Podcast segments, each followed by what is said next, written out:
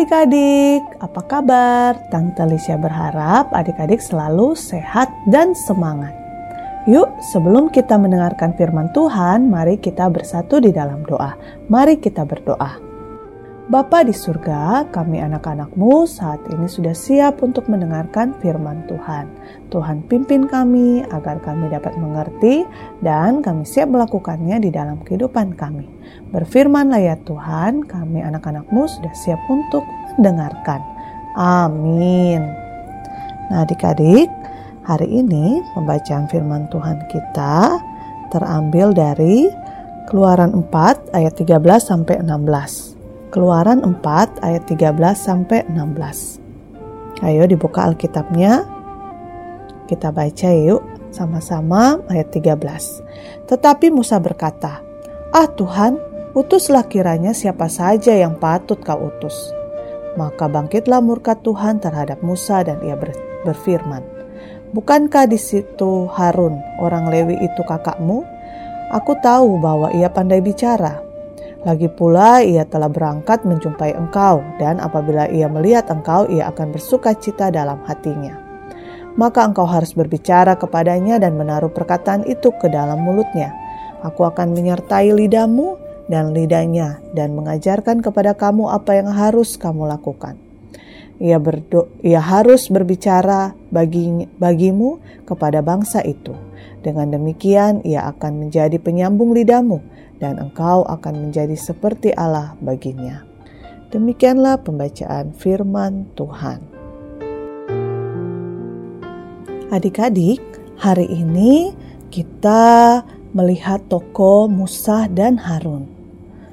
Hari ini kita melihat bahwa Tuhan memilih Musa untuk bisa memimpin bangsa Israel keluar dari Mesir. Dan Harun adalah kakaknya Musa untuk membantu dia sebagai juru bicara. Nah adik-adik, Tante Lisha mau tanya, siapa yang berani berbicara depan orang banyak? Ada? Misalnya memimpin baris berbaris di sekolah, memimpin doa di gereja, ikut berperan dalam drama, atau yang lainnya. Ada yang berani? Mungkin ada juga yang belum berani ya, alias demam panggung. Ya, Nah, buat adik-adik yang berani, terus ditingkatkan keberaniannya ya. Itu berarti talenta yang Tuhan berikan. Kalau yang belum berani, terus diasah. Mungkin saja tidak sekarang kita berani, mungkin nanti ya kita akan mencoba untuk menjadi anak yang berani tampil di depan umum. Nah, hari ini kita lihat tugas apa yang diberikan Tuhan kepada uh, Musa dan Harun. Tugas yang diberikan adalah sebagai juru bicara. Apa itu juru bicara? Juru bicara itu adalah orang yang kerjanya memberi keterangan resmi dan sebagai sebagainya kepada umum atau pembicara yang mewakili suara kelompok atau lembaga atau disebut juga penyambung lidah. Nah, kalau tadi Tuhan mau Musa dan Harun tuh jadi juru bicara atau menyampaikan firman Tuhan kepada Firaun. Jadi uh, mereka harus berani, berani berbicara. Tadinya Musa nggak berani, tapi Tuhan mengingatkan kan ada kakakmu si Harun, dia pandai berbicara uh, Tuhan mau Musa dan Harun bekerja sama untuk menyampaikan firman Tuhan. Dari bacaan Alkitab hari ini, kita tahu bahwa Allah mengenal Harun sebagai orang yang berani berbicara di depan orang banyak, sehingga ia dipilih Allah untuk menjadi juru bicara atau penyambung lidah bagi Musa, adiknya. Allah melakukan hal tersebut karena Musa merasa tidak mampu menyampaikan kehendak Allah kepada bangsa Israel. Wah, senangnya ya kalau kita dipakai Tuhan.